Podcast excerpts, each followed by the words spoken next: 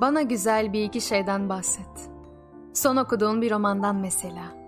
Memleketimin güzel insanının bilek saatini anlatsın o roman. Ya da son yaptığın resmin renklerini anlat. Bakmadan ardına binip gittiğin o trenin şehirlerini anlat. Kulağına çalınan müziği anlat. İyi şeylerden de bahset arada bir. Çiçekler açsın kelimelerinde. Beyaz düşleri andırsın cümlelerin.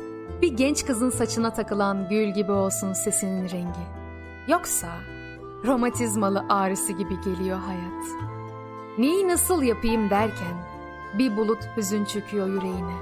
Ama sen şimdi boş ver griyi. Borç harç aldığın nefesi, iki liralık maaşı, maviden bahset mesela. Deniz nasıl orada? Fırtınası dindi mi bari? Çözüldü mü o kaymakamın işi? Anlat hadi. O Rümeli ailesinin bahçeler dolusu kirazlarını, Feride'nin kırılmamış kalbini. Bana bugün Anadolu'yu değiştiren öğretmenlerden, mühendislerden, doktorlardan bahset. Hani okuyamamıştı ya o kara gözlü çocuk. Sonra o öğretmen destek çıkmıştı. Göndermişti onu şehre. Ondan bahset biraz. Bana insanların bahanelerini ve hayat şartları sebebiyle sığındığı nedenleri değil de göğüs kafesini yarmış cesaret öykülerinden bahset. Yoksa bir avuç buğday tohumu gibi geliyor ellerindeki cesaret. Hayat. Bugün günlerden 11, aylardan 12, yıllardan 13. Anlatsana nasıl bozmalı bu derin yalnızlığı sesinle? Hangi yakutu içmeli? Hangi orman yollarını iplik bırakmalı? Hangi krallıkları yakmalı?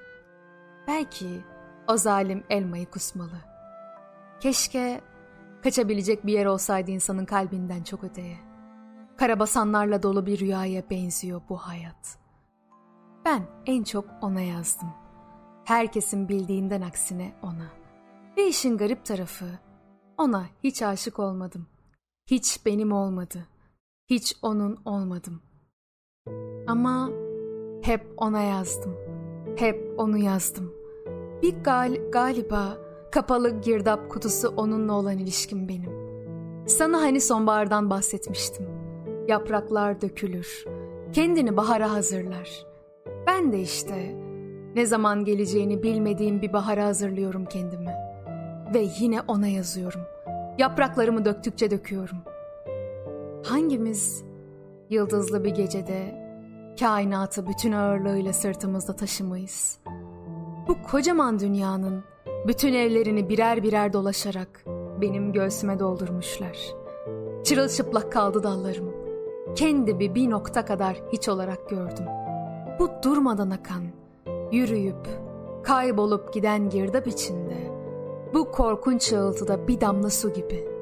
Yalnız kendimi değil, yaptıklarımı da yapmayı tasarladıklarım da öyle.